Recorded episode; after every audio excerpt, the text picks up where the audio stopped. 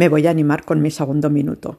Eh, bueno, eh, Vicky hablaba de que de este género, ¿no? De, de, novela, que es entre novela negra, de misterio. La verdad es que a mí eso es otra de las cosas que me encanta, ¿no? Y bueno, reconozco que son que veo más series que, que leo de este tema. Pero bueno, hay un montón de series en la tele que son de este tipo.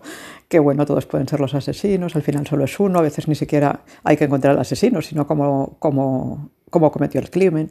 Y bueno, eh, no sé si, si, a los del grupo os gustan este tipo de series, pero bueno, hay un montón.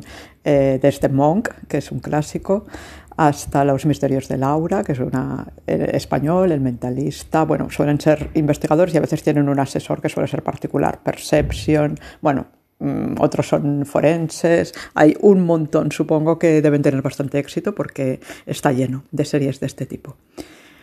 Y bueno, hasta el